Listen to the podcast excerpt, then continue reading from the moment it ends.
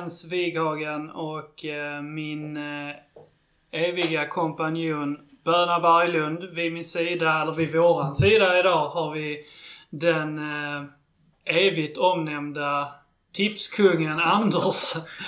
Eh, ja.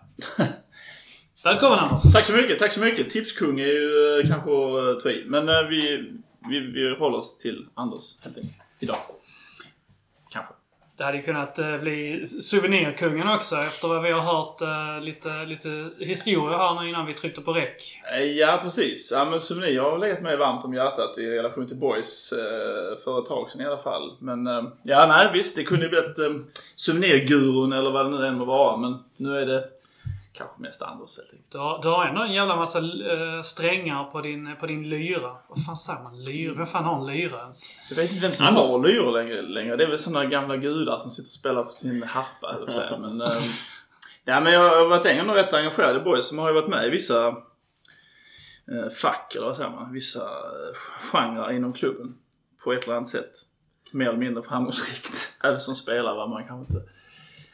Men det är både på supportersidan och på liksom med organisationen. Eh, mer mot boys också. Ja, men jag har ju varit, jag har varit kassör i Black and White exempelvis. Det är ju inte eh, Och, eh, kasta under stolarna eh, av meriter på en CV. Och sen... eh, Vilken liksom- tidsepok är det då? Ja men det är ungefär då samband med, nu ska vi se, jag tog över från Togge som sitter i styrelsen idag i Boys. Han var ju kassör för mig och han är ju tur att han inte är kassör i Boys idag kan jag säga. För den, de räkenskaperna, det var rena, jag vet inte, herre Jesus. Glädjeräkning. Jag förlåt att jag drar dem under, eller heter det, under, under bussen ett tag. Men nej, revisor ska han nog inte vara. Men eh, så jag fick ta över de räkenskaperna och göra om och göra det bättre kanske.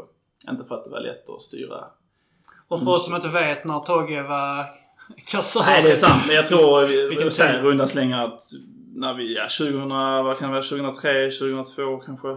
Glansdagar någonstans. Exakt. eh, Storhetstiden för Black and White. Och Mm. så tror jag, jag tror medlemsantalet pikade där någon gång. kanske. Där har vi ändå en, ehm, varit inne och, vi har ändå varit inne och fingrat väldigt, väldigt lite på att eh, göra något form av Black and White eh, avsnitt eh, någon gång. Eh, för att vi, vi i princip är lite, lite för unga för att liksom ha varit i smeten då. Men har liksom, man har ju på, på omvägar hört och förstått mycket och liksom när man kollar tillbaka så förstod man ju att det, det var en, en stor apparat. ehm, som, som vi lite yngre då missade sen och så fick vi bara liksom se fördärvet. Eh, och eh, att det finns mycket där man hade velat eh, höra mer om så att säga. Ja, det finns det säkert. Eh, Jag är nog inte heller det kanske den bästa att uttala mig men jag var ju sån liten så tråkig revisor. Jag tror inte jag kan alla de Du häftiga var väldigt illa omtyckt. och- Ja men jag var störig liksom. Jag kunde inte bara redovisa en flaska whisky som är köpt på torget på ett lätt sätt. Utan jag var tvungen att ha kvitto och sånt. Och det är tveksamt om det fanns. Men eh, jag tror det finns andra i Landskrona som kanske är bättre på eh, Black and Whites historia än vad jag är. Men, Har du eh, något, något namn på uppstuds här som skulle, skulle, skulle vilja höra? och Som skulle sitta här? Åh gud, jag tror hon, eh, vad heter hon, kallades för Sannemaggan. Hon, eh, Susanne heter hon väl. Hon var väldigt engagerad ju. Och sen väl typ, vad heter han? Mikael, inte Svegis, men ja, alltså. Jag kan inte alla namnen egentligen, men det finns ju många andra som egentligen kanske har dragit sig tillbaka lite. Det är inte många sådana black and white som jag tycker jag ser på idrottsplatsen mycket längre. Det är kanske någon som blir arg nu, men det var ett tag sedan i alla fall jag såg eh, de mer klassiska ansiktena från black and white. Vad, vad betyder Black and White för dig idag? När du tänker, tänker på det? Oh. Alltså jag säger bara redovis, redovisningssynpunkt så, så är det mest kalla kårar liksom. Jag tyckte det var rätt jobbigt och... För luftslottet. Nej, det var, alltså, det var inget konstigt med det. Det var jättetrevligt, jättetrevligt folk när jag var där och det var ju bra stämning och, och kul och sådär. Men eh, det ansvaret för ekonomi och sånt så skulle man visa det för någon form av auktoriserade visor. Det var, ah, jag hoppar hellre.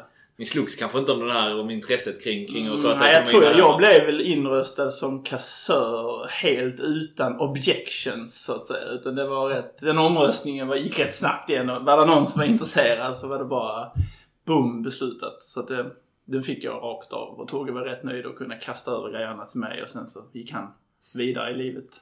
Men hade du någon roll i Black White innan dess? Alltså, Nej. Var det... Ingenting. Eh, utan eh, det var nu via det här med souvenirerna så, så snackade man ju med folk och sådär. Så sa de ah, du, du, du verkar gå i skola i Lund och sånt. Kan du, kan du räkna eller Så sa jag Kan du typ, skriva av den här whiskyflaskan? Kan du på det sätt få bort de här kvittona från redovisningen? Nej men eh, så det var på den vägen tror jag. Och sen Togge kände jag ju, han sa oh, skulle inte du kunna tänka dig att engagera dig lite ideellt? Jo vad kul, så jag. jag har ett uppdrag för dig här. Eh, Ja, och sen så sålde han in det med lite salt och socker. Men där är väl någon eh, känd omtalad eh, lokal eh, ute... Var Ja det var ju den som Sandvågen, brann eller vad är det? ner. Eh, Det fanns nog en tidigare som jag inte känner till. Det låg nog här inne i stan någonstans. Typ Målargränd och sånt där. Jag vet inte. Men sen var det den där ute Pilängs Landskronahems eh, kontor. Mm. Som brann. Det brann väl upp helt enkelt. Inte, ja, det var inte när Black and White var där kanske. Men sen brann det väl upp. Hur såg eh, vardagslivet ut i, liksom, i en sån lokal då? Ja, men det var rätt mysigt faktiskt. Det var en TV och mm, typ eh, man hade väl betalt någon typ av licens för någon form av eh, kabel-TV antar jag. Det tror jag det stod i redovisningen i alla fall. Eh, och så var det lite bar och där sålde vi väl läsk och läsk och sånt på Den här dagarna. omtalade boysbeer, eh, den såldes väl där? Ja, det gjorde den kanske. Som sagt, revisorn fick kanske aldrig smaka på den. Det är möjligt att jag såg den. Men nej, men jag, det kan nog stämma. Boysbeer har jag sett. Det kommer jag ihåg. Men, ja, Hade man, eh, var det liksom uppladdning eh, för matcherna på, på plats i lokalen Precis, då? ja men Det där var, standard. ju lite biraförsäljning och snacka tugga och spela låtar och sånt tror jag. De spelar ju lite så Rude Boys och sådär. Alltså det var ju Sen gick man ju liksom i parad, eller vad heter det? I, i kolonn, eller vad heter det? Ja, marsch. Jag vet inte kanske, men från Pilängstorget till liksom sittplats, eller ståplats. Det kan man ju romantisera så här nu, eh, kan jag väl känna. Alltså att man har en sån naturlig eh, samlingspunkt. Ja, nu är det Ibbes. Mm. Som är lite mer uh, pizzahäng och Mm. sång och så. Det är ju också rätt trevligt i och för sig. Men jag tror ju hela Black and White är väl helt... Det finns väl inte överhuvudtaget tror jag. Nej, det är väl egentligen nästa liksom, fråga så. Hur, eh, hur pass eh, insatt är du i nedmonteringen av Black and White? Så har du Men det liksom... slutar ju när jag blev slutade som revisor. Så gick det bara ut och... Nej, jag vet faktiskt inte. Jag tror det... När slutar ditt egna liksom, engagemang till exempel i, eh, inom... eh, Kan det vara... Alltså det var väl typ när vi... eh, Om vi åkte ut. Som det var när vi åkte ut. Att jag var som medgångsrevisor kanske. kan ha varit så. Men någonstans där omkring så slutade det. Och sen vet jag inte riktigt vem som tog över. Det kommer jag inte ihåg. Mm. Jag tror Sanne Margand, eller hon, Susanne, fick papperna i alla fall. I sin ordning. Ehm, och sen känner jag inte till det mer faktiskt. Mm. Hur det blev. Nej, det, väl så, det stämmer väl överens med den bild man har av, av liksom så. Själva som du säger, det att du lämnade eller vad, om det berodde på det eller om det var andra saker. Men att det liksom det var någonstans brytpunkten för när man åker ner från Allsvenskan. Att det liksom någon form av nedmontering som säkert hade börjat innan dess också. Precis. men det blev väl också där som var så tydligt precis i den svängen också. Det är ju sista säsongen egentligen i, eh, i Allsvenskan när man började delas upp läktarmässigt också. När det var en ny mer falang som ville kanske någonting annat med läktarkulturen som, som tog steget över då till västra läktaren och sen så Black and White blev kvar. Precis, jag tror det blev en splittring där, naturlig, eller naturlig splittring, men det blev väl en uppdelning. Lite västra läktaren och sen Mm. var det lite interna stridigheter väl. Alla kom väl inte överens tror jag hur det skulle styras och vad man skulle göra på en läktare och sådär. Och sen tror jag säkert var några eldsjälar i, i Black and White som kanske ja, hoppade alla som la ner intresset och så lite. Så dog det väl av naturliga skäl på något sätt. Vad jag vet. Mm. Jag tänker då Bo Lö, alltså de, han, de som står med flaggorna Ja. på, på banan där. eh, Det känns som att det finns någon form av... Jag vet inte. Jag skulle vara intressant att veta om det Ja. finns någon typ av... Det kom väl upp någon fråga på det här Allians 261 på, på Facebook för ett tag sedan. Alltså Mm. någon som jag bara tror rent av, av allmänintresse som man faktiskt inte visste liksom frågade finns det, finns det någonting kvar? Och det, Mm. Som jag fattade det så var det väl några där som svarade liksom att det, det, det verkar som att det inte finns kvar överhuvudtaget. var väl någon, var det någon som ändå sa att det typ var en vilande förening eller något liknande Mm. liksom. Okej. Men det finns väl då, precis som du är inne på, flaggor. De som har, kör, kör flaggorna på innerplan. Det gör de inte nu eftersom det inte är någon publik. Men Sant. annars, men annars, senaste gången det var någon flaggor på innerplan så var det ju det gänget som var den senaste klicken som jag vet i alla fall som var någon form av black and white. Det håller jag med. Det Det är liksom väl en black and white flagga i den eh, skaran också? Visst är det så? Jag tror att man har bytt ut dem dock. Ja. Att det bara är svartvita med någon form av Just symbol i. Eh, Att det faktiskt inte är något. Innan har det varit black and white kopplat Mm. i alla fall. Men jag tror inte att det är det längre. Jag undrar, är det liksom vanligt egentligen idag i fotbollssverige? Finns det många sådana här alltså, supporterklubbarna? Alltså, vad jag, är det inte rätt... Ja, Det är det är inte så organiserat längre. Ja, det är väl eventuellt en lite av en föråldrad eh, dynamik eller vad man ska säga. Sen så, men de flesta klubbarna har någon form av organiserad, eh, alltså jag menar kvastarna och järnkaminerna och kärnan och så vidare. Alltså så det, de finns väl trots allt. Sen så är väl frågan hur pass Alltså i vilken utsträckning unga supportrar söker sig till, till, liksom till den eh, delen av det. det. Det känns väl osannolikt att det är där eh, folk vänder sig liksom. Precis, det känns som att jag håller med dig där. Att, typ. men eh, sen så för många egentligen, och så för, för, jag sagt det innan här också, så för egen del så var det ändå någon form av inkörsport liksom, till supporterliv i Boys. Jag kan komma ihåg klubblokalen eh, på Pilängstorget, ändå, även om inte jag hängde där inför hemmamatcher. Men alltså inför bortamatcher så fylldes ju funktionen av att man samlades där också. Liksom där med flaggmålning och så som man också utförde. Att eh, den funktionen kan du genomföra, liksom, eh, eller stå för. Att liksom det här tydliga vägen in liksom gå, kan gå därigenom. Så, så tror jag också att det liksom oftare och i större utsträckning nu för tiden är kanske mer det, det är väl vanligare på alla läktare idag känns det som än, vad det var förr att det finns jättemånga, eller flera olika grupperingar istället Mm. som då kallar sig precis vad det nu är egentligen. Men att den typen av verksamhet är mycket vanligare idag än vad det var, än vad det var förr. Det är väl också det, alltså så här, till, tillgängligheten på allting i, i dagens samhälle har ju eh, ökat såklart. Jag menar förr så fanns det kanske en väg in att liksom lära känna människor, att kunna liksom få, få veta någonting om boys. Hur blir man en supporter liksom? Eh, då var kanske inkörsporten så att eh, frågar man sina föräldrar liksom så sa de så då får du gå till black and white. Eh, medans ungdomar nu, alltså det, det, det är ju inte så dagen... Det är inte så man liksom lär sig att tycka om ett fotbollslag eller så utan då är det ju att eh, man, man hittar ju den informationen själv och man, man söker upp den själv och man skapar kanske sina egna klickar så att eh, det kommer där. Men det är ju en organisatorisk brist att, eh, att, den, att det inte finns på, på vissa sätt.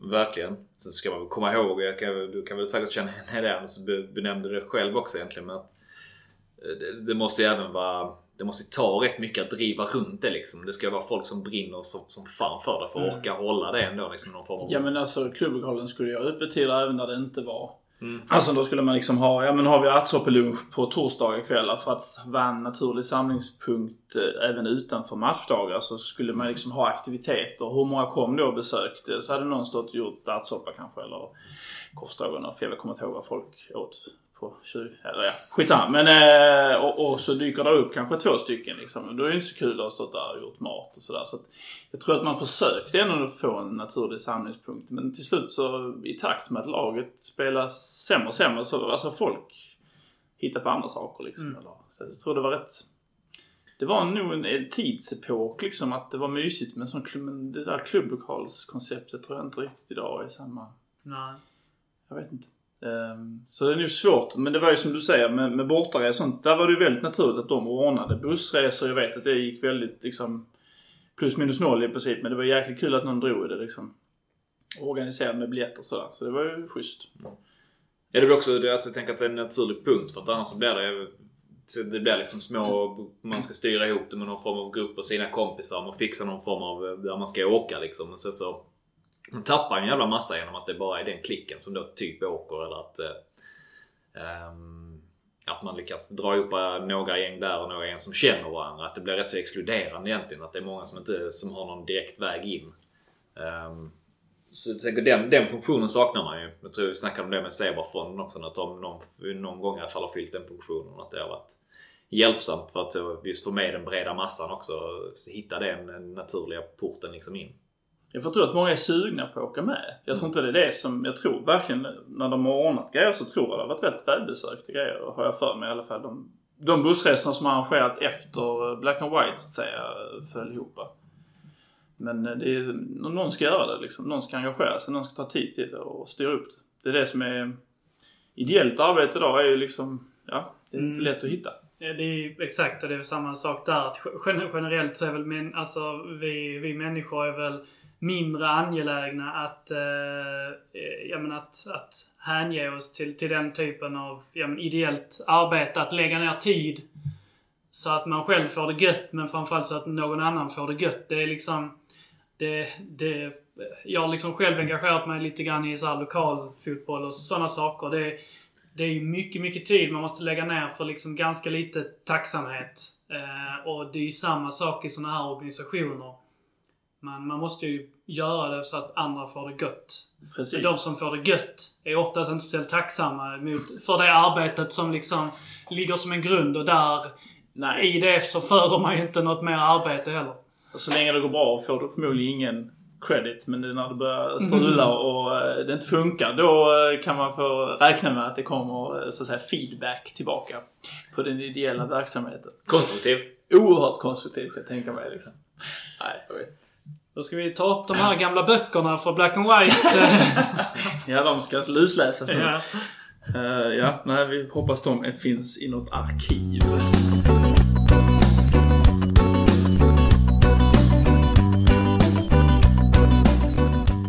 Det var då och nu är nu. Och eh, alldeles eh, nyligen så har vi spelat omgång två i fina, fina Superettan. Och eh, det slutar 1-1 som eh, vi alla är medvetna om efter att eh, den fina Melker Hajer eh, rullade in 1-1 eh, i matchens slutminut.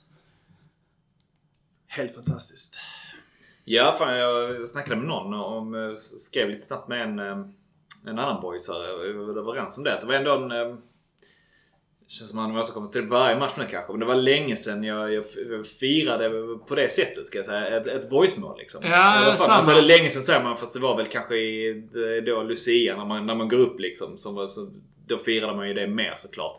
Men alltså så Detta var spontana. Alltså så i serielunken-mål så var detta liksom... Jag vet inte, jag har liksom aldrig, inte framför TV på det sättet liksom. Det var så otrolig lättnad kände jag alltså. Nej, det var det klassiska eh, avgångsvrålet till eh, min ena dotters stora eh, förvånande min och förmodligen ett litet blöjbyte efter det. Men äh, jäklar vad skönt det var när han...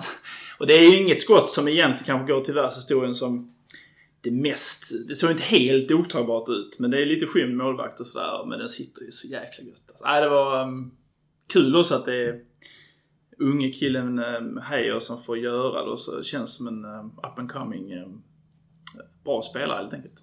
Mm. Jag också tänker att det är lite viktigt för den typen av spelare som kommer in och liksom...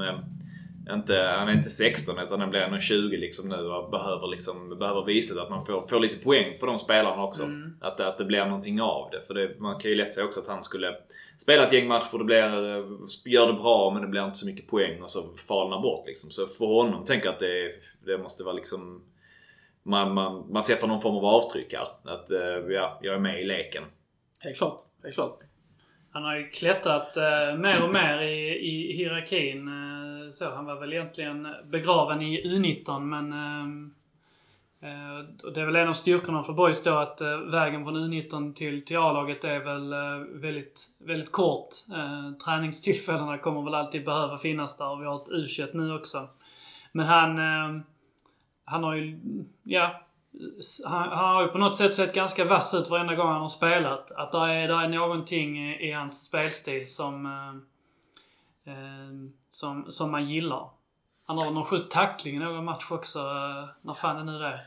Jag tror det är precis när, en av hans första matcher ja. Ja. Att han eh, hade... Gör en tvåfotare. Ja, Ja, det var väl eh, snudd på svart kort. Ja. Men eh, han är- det blev bara en varning antar jag. Men ja, det var fin den tacklingen. Sätta sig i respekt kallas det kanske. Ja. Ehm, ja precis, och jag tycker att vägen, vägen upp där, och jag det säger ju någonting om honom att... Um, alltså han byter ju av Phil Olsson efter, vad, är det, kanske en timme liksom. Mm. Ja, Phil som är den som man tänker ska liksom kliva fram i de här matcherna. Att byta av honom och liksom en av dem. Inte den allra första som kommer in för det är väl... eh, Jo det är han tillsammans med Linus Olsson. Nej det är Dennis och Linus Ström. Strunt Mm. samma. Men att ändå en, eh, att de sätter den tilltron till honom. Alltså att det blir ändå att han är någon som behöver liksom visa någonting.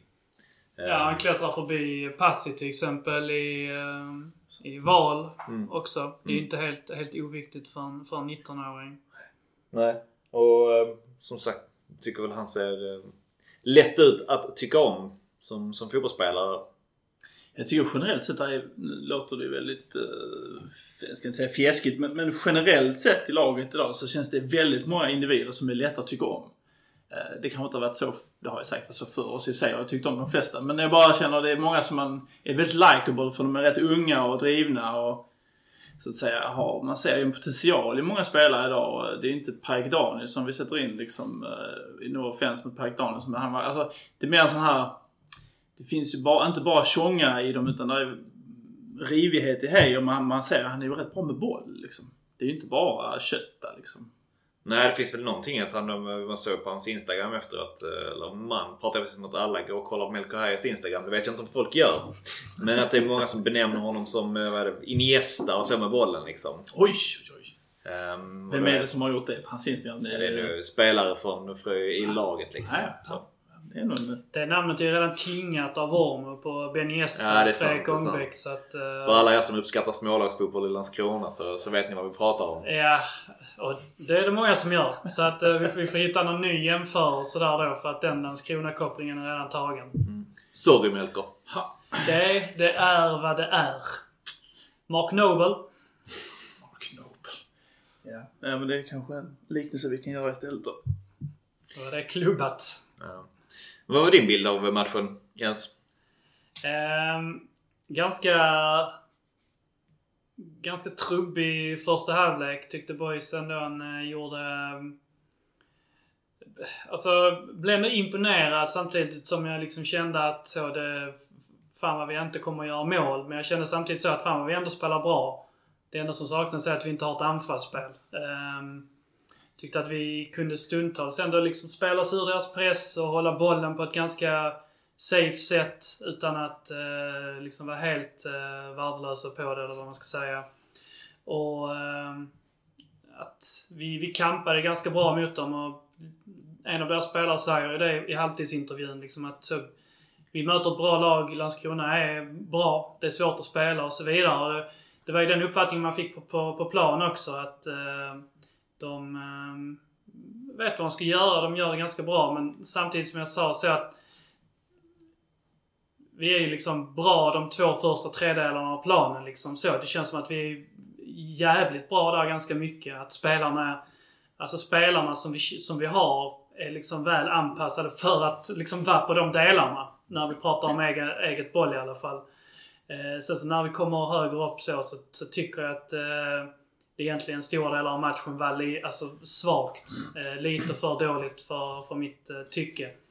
Ehm, och det är väl egentligen bara ren, ren och skär... ehm, alltså li, lite för låg individuell kvalitet tyckte jag eh, på, på plan. Och att eh, till exempel som vi redan varit inne på, Phil, Ul, eh, Phil Olsson inte riktigt eh, kom igång. Och lite grann så har det varit så att vi har varit beroende av att han, han gör vissa av sakerna på plan eh, sådär i lite, lite tuffare lägen som liksom sparkar igång kreativiteten. Så att när ingen sparkar igång det där, då blir det mycket av så här att man vi kan flytta bollen ganska högt upp och det kan se okej ut. Men sen så måste någon göra någonting. Eh, eftersom att det blir ett samlat försvar igen och då, då står det stilla. Tills dess att typ Melker kom in. Det, det är lite det grann det han gör också om vi då tar tillbaka i nästa jämförelsen att han Alltså han är ju bra på att vända in centralt och liksom hitta felvända spelare i, eh, i, liksom i mittenytorna. På ett sätt som, som vi liksom inte annars kanske spelarna vill, vill göra. Ja, ehm, jag var inne på det. Jag satt, satt och tänkte på det under matchen. Att eh, det slog mig eh, utifrån Fille och att han har pratat själv väldigt mycket om, om, om att ta ansvar liksom och vara den som skapar någonting. Att eh, så en form av, jag kände efter när han går ut att Boys anfallsspel blir bättre. Mm. Det, jag fick liksom en, en känsla av att det känns som att andra spelare kände att okej, då behöver jag ta ansvar här i den situationen också.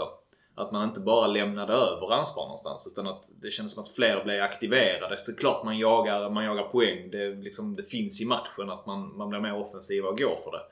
Men, men jag tyckte mig se att, att, liksom att man... eh, innan dess la rätt mycket på okej vi ger den till Fille så får vi se vad som händer. Mm. Men att det blev tydligare efter att han hade gått ut att det var fler som också vågade och kände okej då behöver jag ta tag i detta. Jag kan inte bara liksom spela safe. Mm. Eh, Men jag tycker inte att det, det kan, för mig en ganska så ny, ny sak ändå. Att det kan vara, just Fille Fille har klivit fram många gånger under fjolårssäsongen men att, eh, att det inte har varit så tydligt i alla fall. Jag tycker inte att det typ är så här. Ibland kan man ju se i vissa lag att man, man liksom aktivt söker en spelare för mycket. Jag kan inte säga att jag direkt tycker att det är det som händer. Dock så har väl Fille lite grann av...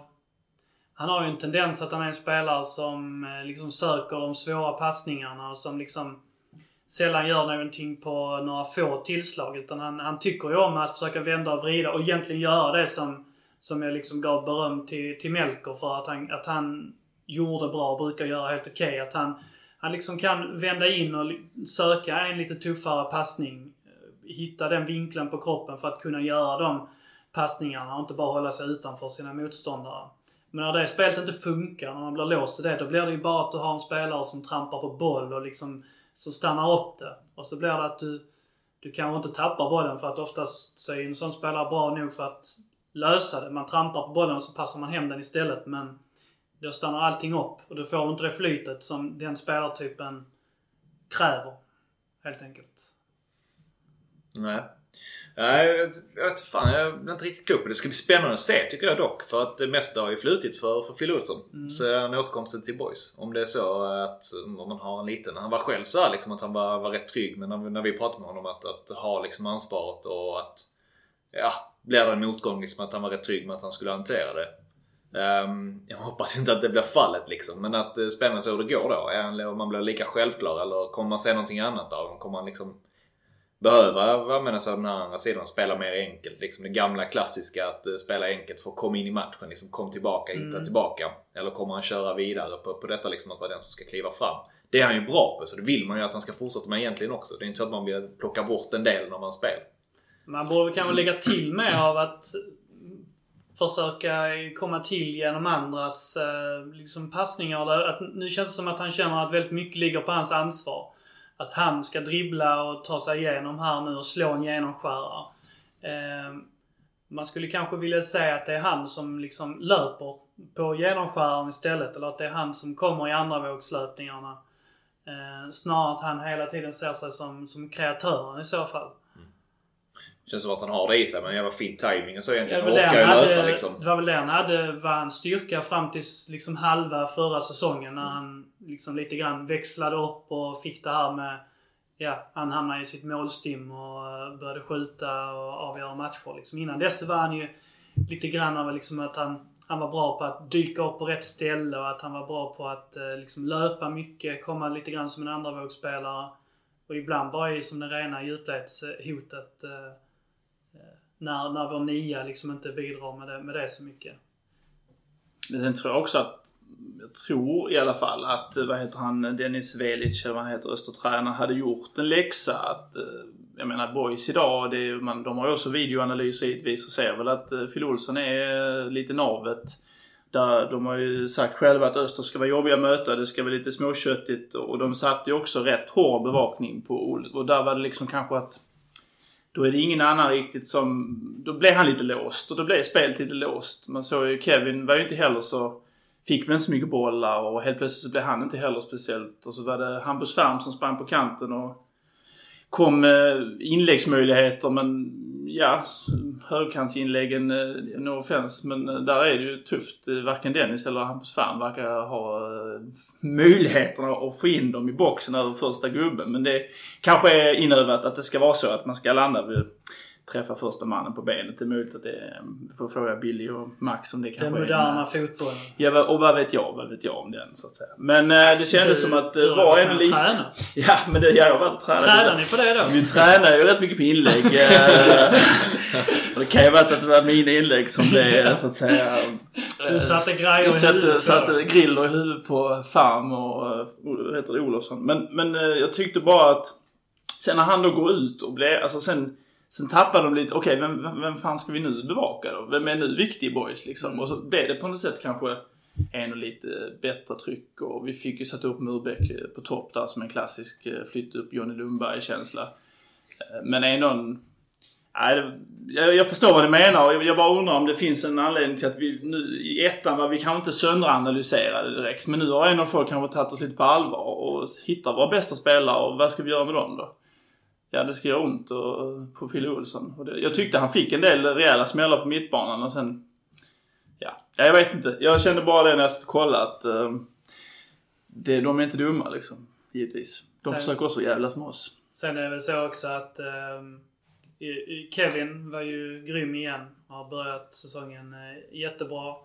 Men ehm, bredvid där, OP liksom gjorde en bra försäsong nu men känns som att han har trillat tillbaka till lite grann av det här sega... ehm, jag vet inte ens vad man ska kalla han är, han är seg lite grann. Han har lite såhär sirap-spelstil eh, brukar jag kalla det. Att, eh, det, det, här. det ser inte det, det ser ut att gå så speciellt fort när han spelar. Jag vet inte varför. Men jag tror ändå det går ganska fort. Men jag, jag förstår lite vad du menar. Ja, eh, och han eh, kom inte alls loss i eh, nu tyckte jag i alla fall. Och eh, ja har väl spelat snart 180 minuter har väl varit nära att göra noll mål. Eh, och så kommer det väl antagligen fortsätta om han får spela 90 minuter. Så han, han gör vissa andra saker ganska bra men skapa målchanser eller hjälpa andra till att skapa målchanser kommer han inte göra speciellt många gånger. Och det är ju klart att det också gör att om nu Öster liksom identifierar att så, de, kreativa möjligheterna här finns på två spelare så då, då är det ju liksom lättare att eh, radera de två. Kevin och, eh, och, och Fille. Om de då lyckades halvt med Kevin skapar inte så mycket heller liksom. Det kan man inte intala sig. Då är det klart att det är lättare om du kan fördela resurserna på de två jämfört med att sprida ut det på två spelare till. Så, eh, så gör det också lättare för, eh, för eh, Kevin och, och Fille att få lite mer plats. Jag menar, det är ju knappast några groundbreaking news jag, jag säger här. Jag, det jag menar är att liksom, jag tror att till exempel att Persson inte kan spela, att Hofse spelar på topp. Eh, hur mycket man vill att Hofse liksom ska vara en 10 måls målskytt på en säsong i, i Superettan så kommer han nu aldrig vara det. Och OP, eh, ja, så länge han spelar med sin sirap så kommer han inte heller riktigt vara den spelaren som, eh, som bidrar med allt för mycket. Eh, och då, liksom, skillnaden med att spela med Persson eller Ro kan ju betyda ganska mycket för, Mm. för många saker. Jag tänker att OP känns som en typ sån som är... Alltså jag gillar ju honom som spelare. Jag den- gör det också den- egentligen, ja, alltså med sirapsjämförelsen i det. Att han är, men han är rätt beroende av att, att folk runt omkring honom spelar ganska bra. Påminner lite om Jussi Benayoun. Han har också ett siraps eh, spelstil. Fin jämförelse. Men, men Hoffas roll är väl liksom egentligen som en gammal Fredrik Karlsson eh, eller eh, Jones Kusiasare typ. Han ska suga in bollen och fördela den tillbaka möjligtvis. Sen ska det komma löpningar antar jag, för han kommer ju inte själv och han springer kanske inte ifrån. Alltså han ska väl fördela, nicka och, och ta ner på bröstet och passa tillbaka och sen ska det hända någonting. Mm. Men det var rätt stort avstånd mellan Hoffa ett tag tyckte jag och när han sen nickade vidare så hamnade Suma och sen stampade han på bollen och så väntade vi in lite att det fylldes på liksom i alla fall i första halvlek. Det blev bättre i andra tyckte jag nog att det blev mer eh, kändes farligare men första var det rätt stereotypt där tyckte jag. Hoffa nickade vidare och sen hände inte så mycket mer liksom. Nej, jag får säga om man ska komma tillbaka till där du började någonstans med, med eh, första halvlek och så. Um, så var det många som var ganska nöjda. Så jag, så jag var ganska besviken också första halvleken då. Um, inte för att Borg spelade skitdåligt på något sätt liksom så. Alltså mot, en, mot ett Öster, då ska man ha med sig liksom som är tipp, tippade i toppen i, i Superettan som ett bra lag.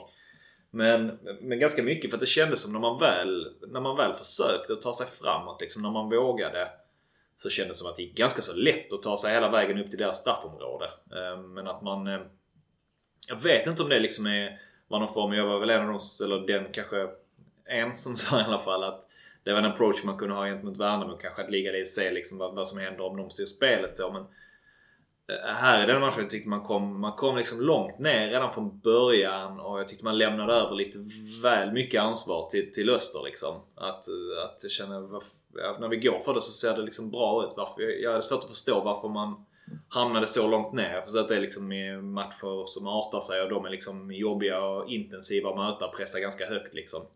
Men att man kom, kom rätt så långt ner redan från början och, och liksom därifrån man, man passade mellan mittbackarna upp till Zuma men sen så lite som du var inne på kanske ens i och för sig. Det, ble- det blev inte så mycket av det. Men när man väl liksom försökte och kom, kom på lite bredare front så, så kom man liksom till, till ganska så farliga lägen. Eller farliga inspelslägen och så i alla fall. Man har egentligen ganska... De, de spelar ju i princip med, med två anfallare. Eh, och då, då blir det ju liksom...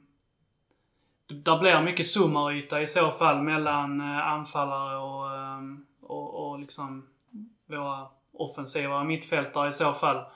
Och eh, det kändes som att vi ändå liksom, vi, vi lärde oss att hitta in på de ytorna. Ibland på Uttusson och även ibland på, på Fille. Men att när vi väl har kommit in där, liksom, vi ut, det känns inte som att vi liksom använder den ytan till att avancera längre fram. Um, alltså, det här om man så här, pratar om modern fotboll, där liksom Bielsa-fotbollen som liksom handlar om att i princip alla passningar, ska, man ska liksom försöka bara slå raka passningar. Du- Bollen ska alltid gå uppåt. Du måste sluta slå i sidled. Liksom, allting ska skära vertikalt.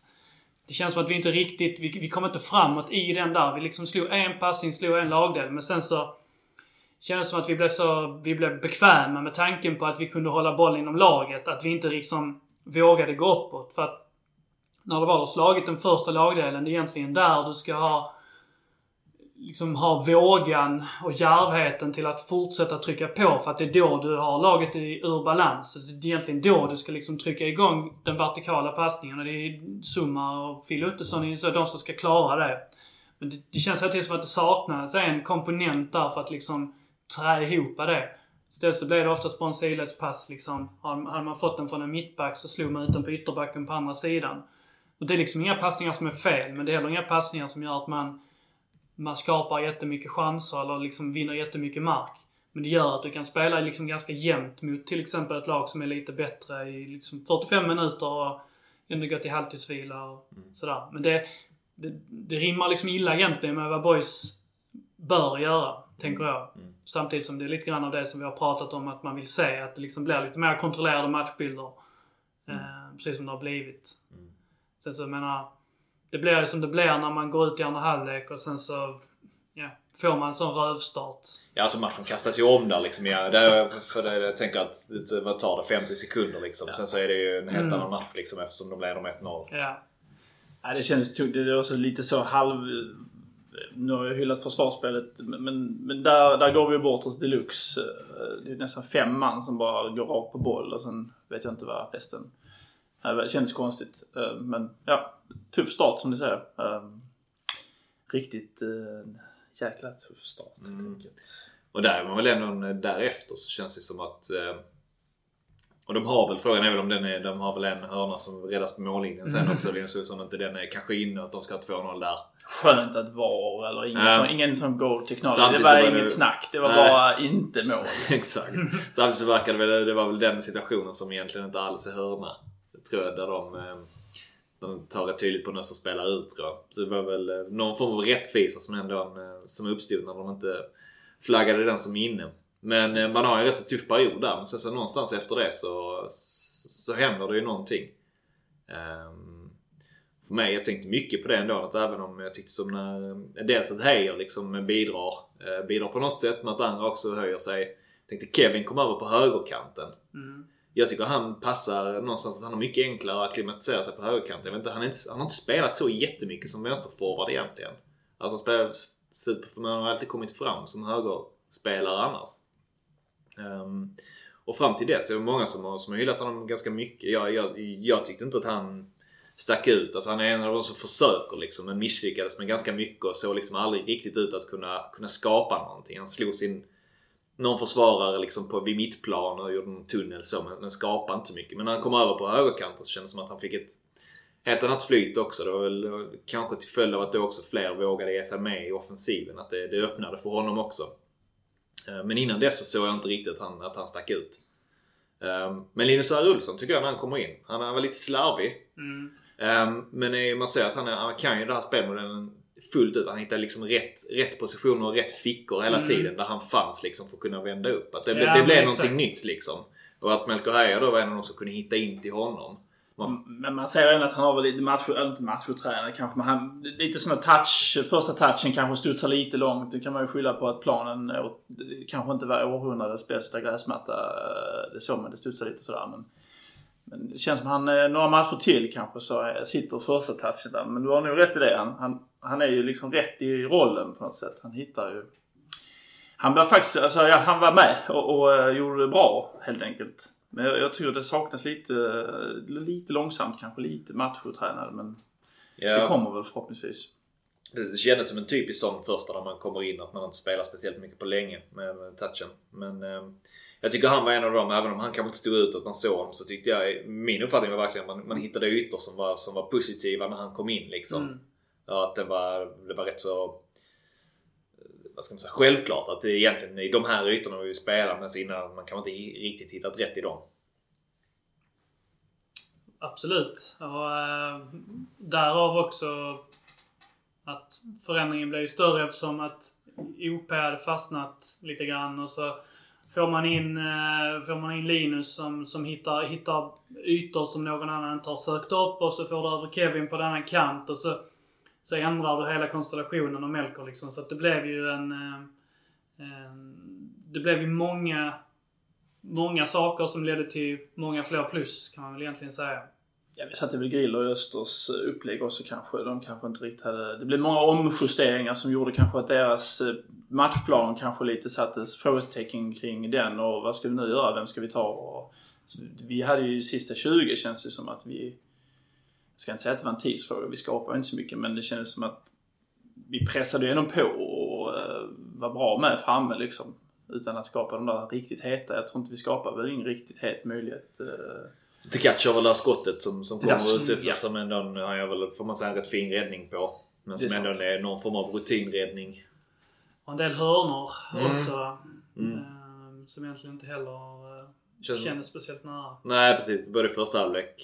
Det känns som man hade hur många högerhörnor som helst från Ottosson. Ja. kom ju en del så att säga, inläggsmöjligheter från högerkanten som fastnade på ett ben. Och vi skapade fyra hörnor rätt snabbt i den första kvarten liksom, på den sidan.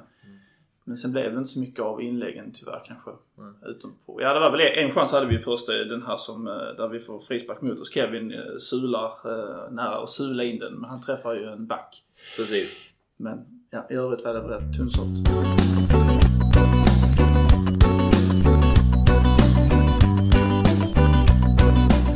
Du, det blev lite snack om det efter, efter förra, förra avsnittet. Mm. Ehm, du plockade fram, fram sågen mot, mot Hampus Farm. Mm. Och sen fick starten där uppe ändå. Vi, vi Mm. trodde kanske att det skulle bli Malmöspel, den tidigare Malmöspelaren istället. Eh, Johan Rapp som skulle få, få högerbacken. Men det blev, det blev Farm. Vad, vad, vad, var din, vad var din take efter matchen då? kan väl inte säga att jag har... Eh, att han förändrade min, eh, min livsåskådning på honom så. Han eh, har fortfarande...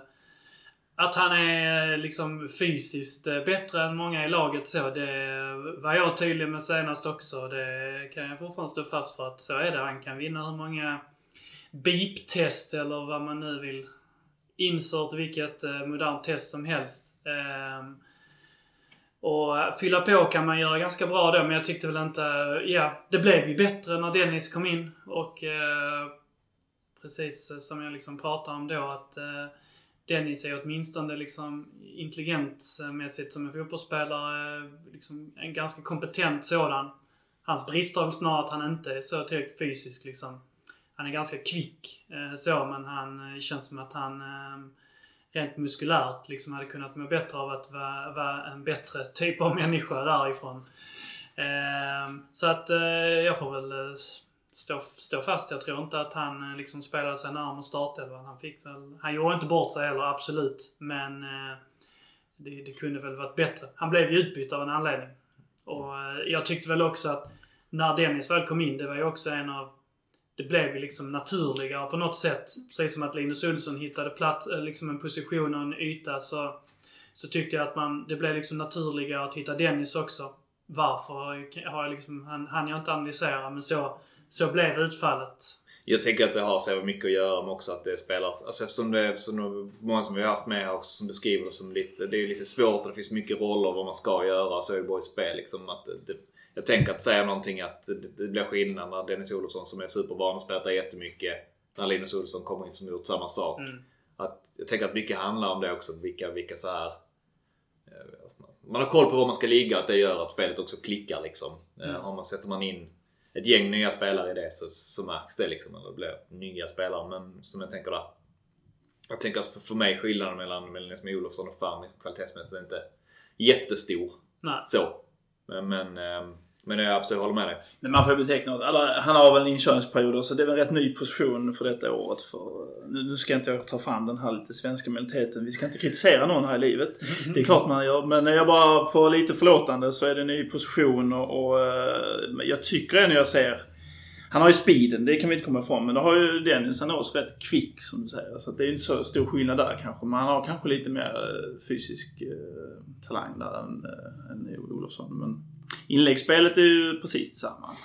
eh, om det är mitt fel eller inte, det vet jag inte. Men eh, ja, där, där finns ju förbättringspotential som de skulle sagt på mitt jobb i alla fall. Eh, jag får hoppas att Det får du höra ofta. det får jag höra ofta, ja, precis. På danska också, så att det gör inte saken lättare. Nej, jag fattar. Men det säger väl kanske lite också om att eh, det är ju en, det är ju en trupp och en, en klubb som är utan, eh, vad ska man säga, speciellt mycket kontroverser och så. Det går liksom inte riktigt att hitta speciellt mycket alltså så här matnyttigt man kan eh, nästla in sig i. Utan därför kan man liksom prata lite grann om att jag, jag liksom halvsågade en, en ung spelare som har 10 matcher i bagaget. Det är ju liksom på det stora hela så är det ju ett tecken på att eh, där inte... Det händer inte så mycket negativt eh, kring klubben och det finns inte så mycket kontroverser i truppen heller. Startelvan tar ut sig själv eh, i, i mångt och mycket i de, i de flesta lägena. Men kom det några hatmejl eller så? Eller hur, hur Nej, det var ju bara farm. Ja. Okej, så det var ingen sån mailboxen svämmade inte över av, eh, vad ska Nej. säga, folk som rasade över ditt uttalande? Nej, men och det är väl lite så också att vi... eh, Alltså ibland, som du pratar om också, att eh, så nu ska vi vara svenska och vi ska inte, inte kritisera. Alltså, nu ska inte jag sitta här och säga att jag har något sydländskt temperament liksom, eller höja upp mig själv så, men... Det, det, det kändes, ja, vi pratade om det efteråt också, att det är lite så speciellt så. Jag har ingen aning om Farm lyssnar på detta men jag liksom har ändå förstått att många av hans lagkamrater kommer, kommer ju lyssna på det. Och på något sätt så känner man ju sig lite grann som ett troll när man liksom kritiserar en annan person och en människa. Ehm, för att var, varför ska jag... Jag förstår men hade någon sagt så om mig så hade jag ju blivit ledsen. Ehm, och, eh, Att du har dåligt inläggsspel? Ja, precis. Det har jag fått höra hela mitt liv. Eh, och gäller liksom blivit kritiserad. Men fan gillar kritik liksom. Den människan som tycker om att liksom bli kritiserad, det är ju, det är ju en sjuk, sjuk människa. Så att det är klart att man, eh, man, man på en eller annan vinkel blir sårad om man, man får höra att någon annan inte uppskattar det man trots allt gör. Eh, Så där blev man liksom lite ambivalent så. Är det liksom, ska man säga sådana saker då? Men samtidigt så är det ju klart att man ska ju få uttrycka de känslor och åsikter man har. Om man liksom, vad är, vad är detta för forum om man inte kan vara lite aggressiv och hård mot en ungdomsspelare som har gjort 10 matcher för klubben. Eh, Om man måste hålla isär grejerna här också. Det innebär ju inte att du, du hoppas att det går åt helvete för honom liksom. Eller att, eh, du, alltså, att det är bara det är baserat på vad man har sett hittills liksom. Eh, Det var man med sett framåt. Det, det var fan... Jag höll på att säga att ingen skulle vara gladare än du om det, blir, om det går bra ändå. Men det är väl ta i att jag tror att Ja, du... andra vi klarat. ja, men Nej, jag tänker att man behöver hålla isär sakerna. Och det är ju inte så att det är något troll, troll på den här. Mm. Visst, det finns ju namn på vilka som sitter. Det är inte så att du är anonym och kastar Nej. ur dig saker utan och skulle någon ha åsikt om det så får man väl eh, ta Ja. eh, ett kvartssamtal. Ja, vi, vi jämför lite eller så här med om, om man har sagt så att eh, som vi ofta kommer in på då, jag och Böna är Liverpoolare. Säg att detta hade varit en Liverpool-podd. Liksom, det finns gott om svenska Liverpool-poddar. Behövs inga fler. Nej, det, det, ja, om det är som har planer så kan ni lägga ner det. Eh, men men om vi, om vi skulle sitta här och säga så att eh, Wijnaldums pressspel det funkar inte så. Det är dags för han att lämna nu. Han har gjort sitt i klubben så. Det är liksom, ingen människa i Sverige skulle ju må dåligt av att säga så om en, en holländsk landslagsspelare. Men det, det blir ju någonting annat när du liksom pratar om en, om en, om en 20-åring som, eh, som tränar på idrottsplatsen en, en Det är lite, lite mer familjärt det här. Det får man ju ändå betrakta det som. Det är ju lite närhet. när, närmare till, eh, till berörd part så att säga. Men jag tycker ni är helt rätt att vi måste ju få åsikter annars blir det ju rätt så eh, ja, lam, lamt inslag så att säga. Så är det ju. Vi har åsikter och skulle han sen bli världens bästa fotboll så kommer vi pudla rakt av. Vi är inte med om det. Mm. Det kommer det göras. Ja, så vi får såga lite mer. Men det, det är ju som du sa- innan också, att det är, de flesta spelarna i laget känns ganska liksom killar och så. Det, är många, det är lätt att tycka om de flesta, både som spelare och personer och så. Man, det finns inte så mycket att kritisera. Det finns liksom inte så många spelare att sådär, nej jag gillar inte den spelartypen så jag gillar inte hans sätt att uppträda. Man brukar ju alltid ha de spelarna i, i de flesta lag så. Här har man liksom ingenting. Jag, kan, jag liksom stör mig så här 5% på Hampus Farm. Mm. Det är liksom ingenting i ett stort perspektiv av, eh, av, av mitt supporterskap. Ja, men jag har intervjuat folk hemma i dess Alltså jag menar den närkontakten som har funnits nu. eh, Suttit hemma i, ni har gjort intervjuer med, med alltså, vad heter han? Hildebrand heter han? Nej, han heter Svante. Exempelvis. Det var ju väldigt, allting har ju varit väldigt personligt liksom. Och det verkar som de, de ger ju mycket av sig själva på ett roligt sätt. Det är ju en väldigt öppen förening idag och då Givetvis så får vi ju också öppna och säga vad vi tänker och tycker. Det antar jag att de köper rakt av så länge inte det är för mycket personliga påhopp. Ja, exakt. Och det skulle väl bli- skulle man sitta och... Jag ska börja med personliga påhopp. Precis, göra lite mer en dansk podd. man- Oftast är det väldigt så, vet du, himmel eller helvete som vi säger på jobbet. Du är lort, säger de ibland. Liksom. Okej, tack. Eller du är en fantastisk människa. Alltså det är, det är raka rör i alla fall. Man får höra om man är skit, men man får så höra om man är bra. Liksom. Så är det väl på Landskrona IP också? Ja, det, hade är lite mer som en sittplatsläktare så Ja. att säga. Där, eh, ja, diverse personer brukar ja, i alla fall yppa sig kan ju vara lite grann att, att, att det också eh, spelar in. Att på grund av att du inte får den här liksom, aggressiviteten på plats. Att du lite grann, precis som allting annat, så blir det liksom lite avskalat med ens, alltså med ens intryck när man kollar på TV hela tiden. Att du, du får liksom inte någon riktig chans att liksom bygga upp något agg mot när någon hela tiden tappar boll i fel lägen. Eller för den delen så kan man inte heller riktigt förälska sig i, liksom i brytningarna eller i pressspelet eller i dribblingarna så heller. Så att det, det- blir lite grann som allt annat i, i, i coronavärlden att eh, man, man flyter ju liksom utan toppar och dalar. Även när det liksom gäller relationen till liksom spelarna som, som spelare. Så att jag kan liksom inte riktigt känna mig speciellt förälskad. Jag har liksom nog haft mycket starkare känslor för mycket mediokra insatser tidigare, tror jag. Ja, det är kanske därför vi firar ett mål framför TVn också som om det vore någon form av eh, VM-seger liksom. Det är ju, eh, man har ju inte fått utlopp för det under hela, alltså vad fan fira liksom. Jag kan inte bara gå ut i trädgården och fira. Jag måste ju liksom få ut det någonstans liksom. Så det är fantastiskt att kasta sig framför TVn när uh, Melker Heier gör mål borta i Växjö liksom. Det känns lite sådär. eh, Men det, det är så det känns nu liksom. Man tar det, man tar halmstråna liksom. Ehm, ja.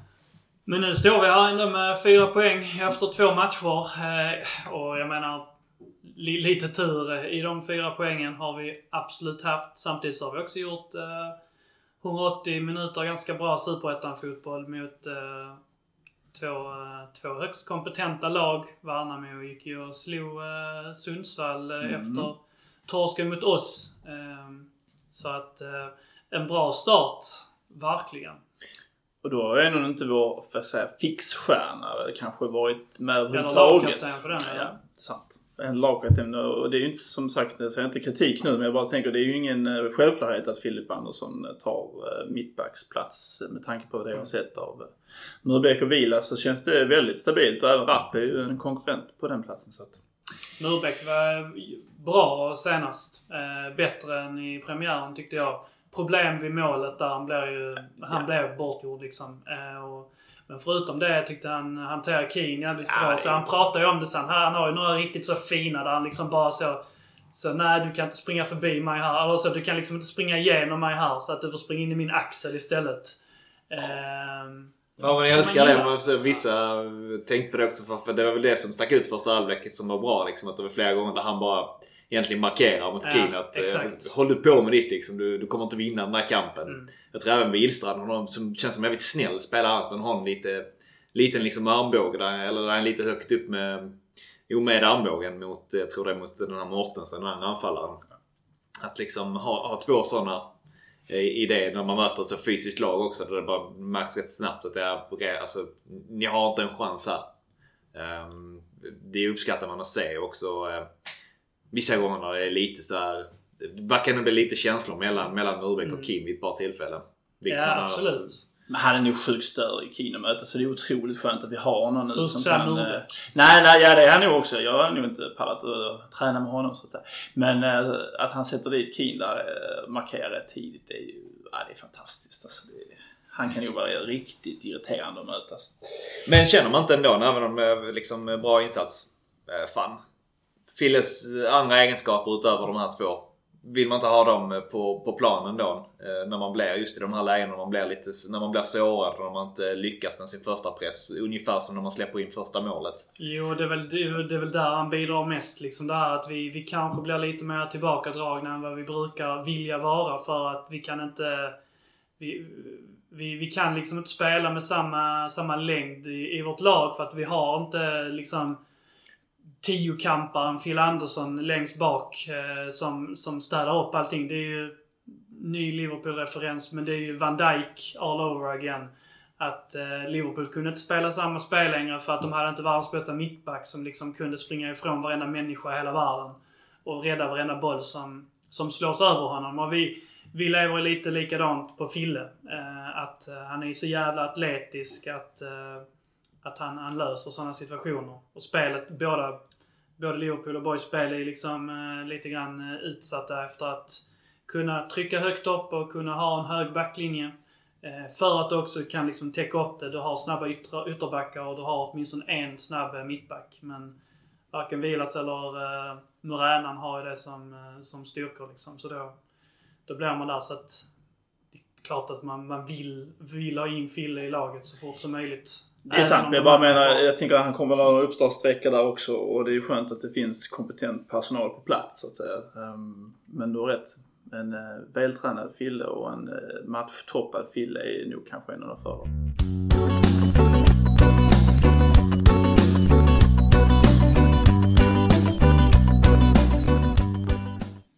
Då är det Akropolis eh, till helgen. Eh, som dessa Stockholmslagen ofta är högtflygande och man vet inte riktigt eh, var man landar eller vad, vad klubben kommer att heta om några säsonger. Men eh, vad tror vi om, om matcherna? Tror du att det blir några förändringar i startelvan till exempel? Eh, svårt att säga tror jag. Känns inte som det skulle vara om Erik liksom bedöms vara så pass fit så att han eh, är redo för eh, i alla fall att starta liksom. Den Ställer han nog på poddkanten men var han med i, eh, eller är han med i u nu? Jag såg Boy, jag bara kollade igenom att Boys hade sin trupp. De hade registrerat att de skulle vara med. Men jag har inte läst, man har inte läst så mycket om hans status här nu på sistone. Jag har faktiskt ingen koll alls om han är med. Nej, jag vet faktiskt inte. Känns väl som att... Känns som att det hade kommunicerats rätt tydligt tänker jag om, om han hade varit med i matchtruppen. Antagligen. Men... Det står tydligen 2-2 nu bara för en som livemässigt uppdaterar sig själv liksom. eh, ja. Grymt poddmaterial. Ja, det är grymt poddmaterial. Är det inte det? Att det finns live-uppdateringar samtidigt. ja. Men... ehm, Han är inte, han är inte med. Eh, Phil Andersson är med. Mm. Och eh, Jazz är också med. Yes. Så att det skrevs om det efter förra u matchen också Ja, med, snabbt. mot Malmö. Det, det plockades upp av även på andra håll än boysare om hans, om hans otroliga namn, Jas Johansen. Det är väl även någon som heter Tycho i någon, Ja. någonstans längre ner. Alltså vi har ju så mycket souvenirmaterial som man kan tänka sig i dessa otroliga dejliga namn. Men eh, jag, nej, jag vet inte annars eh, vem som skulle vara i farozon på sin plats och sådär. Det, ja, är kanske då, eh, heter det, Dennis Olof som skulle kanske kunna vara aktuell för start igen då om han är fit for fight för 90. Inte. var inte heller här. Det var, han skulle väl inte vara borta så länge. Jag tror att eh, de första rapporterna var. Ehm, så möjligt att han kan. Han hade väl bara mer av en känning än en skada tror jag. När han gick av i premiären. Annars känns det rätt klart att, alltså utifrån att Dennis ändå var, var spelaren, spelade ändå i en dryg halvtimme liksom mot Mm. eh, nu i helgen. Att ytterligare en vecka till där så bör det ju vara, tänka att det är rätt så självklart att det blir en start på honom. Eh, som, som, eh, som högerback. Ehm, annars så tror jag, jag tror inte att man gör någon skillnad på, på, på mittfältet eller i mittbackskonstellation eller vänsterback utan eh, Däremot så är det väl hur man, hur man tänker kring, eh, kring, kring anfallslinjen. Eh, utifrån att eh, LRO tillbaka ju spelar igenom ganska mycket också. Eh, Hoffa i all ära och har gjort ett slitjobb och eh, uppskattar mycket av det han gör. Eh, och att då eh, OP inte heller riktigt kommit till sin rätt. Så känns det som att där, det skulle ligga nära kanske till hands med ett, eh, någon form av byte där. Mm. Men eh, pe- personligen så tror jag i så fall att OP ryker före för Hoffa, tror jag. Hoffa var bra uppe mot, eh, Ja, mot Akropolis också ja. i den Svenska cupen-matchen. Verkligen! Satte sig i respekt där uppe. Ja, brände lägen. Och eh, alltså så, det blir ju så med Hoffa precis som att jag lite grann eh, eh generaliserar då att han, eh, han, kommer inte göra ett mål på, på hela säsongen. Så, han, det är ju, han är ju speciell för att han gör ju vissa saker alltså, ganska väldigt bra. Så, så gör han vissa saker liksom ganska väldigt dåligt. Men eh, på ett sätt eller annat så. Man har, man har ju vågskålar som ibland eh, faktiskt väger över till det positiva och ibland på det negativa. Man har ju större chans att göra det på, till, till det positiva på, i de här bortamatcherna mot eh, de här Stockholmslagen som man till exempel då kan tycka kanske är lite bekväma av sig sådär. Kanske inte tycker att det är skitkul när den här snickaren från Landskrona kommer gå ut där liksom och eh, ställa sig bröst mot bröst i minut ett eh, mot, eh, mot dem. Och kommer göra så i 90 minuter. Så, så att, eh, Ja, det är ju skönt att inte ha en snickare efter sig 90 minuter. Det är klart att det sätter press på en backlinje liksom. Men jag vet inte, jag tänker Akropolis kontra Öster, om du jämför de två så är väl...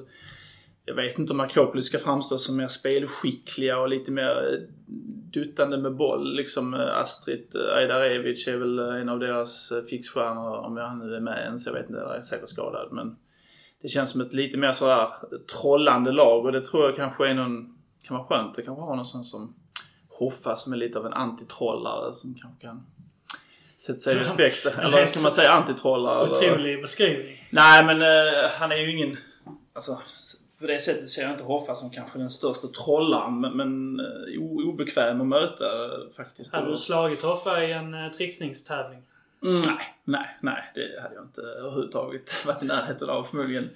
Slå, s- slå inlägg på första gubbar? Det hade jag slått honom Ja. på alla dagar i veckan. Jag fick aldrig, jag fick aldrig visa det riktigt nu om sanningen ska fram. Fick aldrig, ingen som fick se min inläggsfot men de fick se många andra fötter som var mer av plattfot, ångestfötter. Men just inläggsfoten tror jag jag skulle kunna... Det känns ändå som att du inte riktigt har släppt. Jag har inte släppt överhuvudtaget. Jag vill ju bara tillbaka. Jag har ju frågat Billy vad det kostar att vinna en auktion som inte finns eh, och få en ny träning kanske någon gång. Men, Man brukar ju prata om, om de här sliding doors ögon, ögonblicken så. Många människor har ju kanske inte dem egentligen. Det är ju kanske mer av en filmiskt eh, begrepp då. Men du har ju faktiskt det nu då. Det här, jag har ju dessutom sett min systers son filma i stora delar. Jag har ju ett läge där på ett fri, friläge mot eh, Kadura.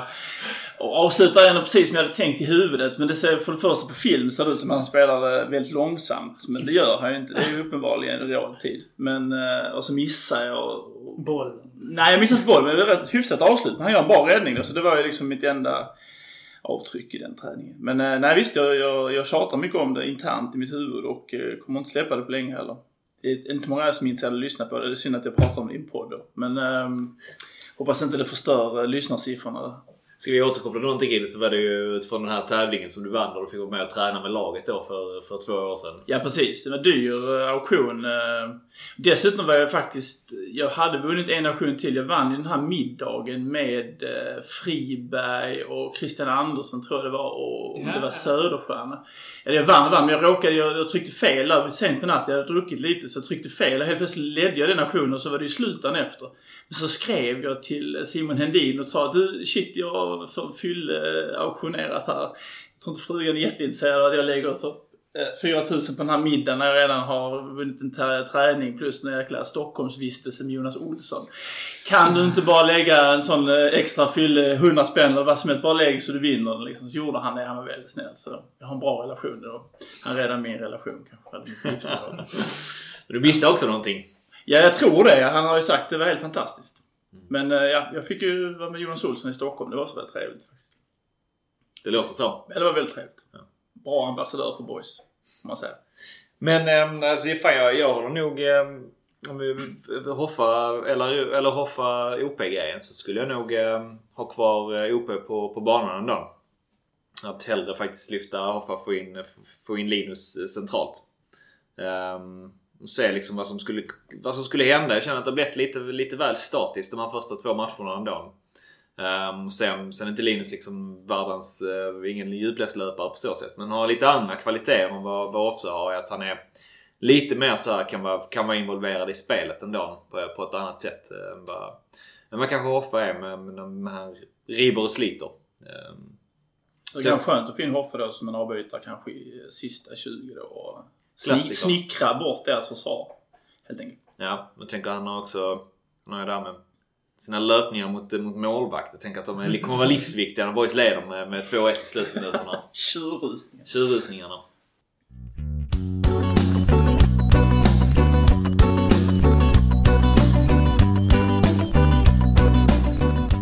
Du har ju tidigare engagerat dig lite grann i, eh, med souvenirer och liknande.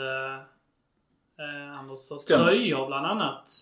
Du Ja, hade, lite, du hade ett finger med i, i den uh, kakburken eh, i Black and White-eran nästan då va? ja, men det var ju samma era där under när uppflyttningen till Allsvenskan. eh, Så var jag ju tillsammans med Lars Östholm då som tyvärr har avlidit. eh, Tillsammans med Nej, Jag var inte tillsammans med honom. Det, det hade han nog... eh, Nej, det, det var jag inte alls. Eh, Men eh, jag var i, i samarbete med Lars Östholm. Lite en del av souveniravdelningen som det kanske kallades i Landskrona Boys på den tiden. Eh, Och jag Hur kommer tänka- hamnade du i det? Ja, men det var... Ett, Är det också Tåges fel?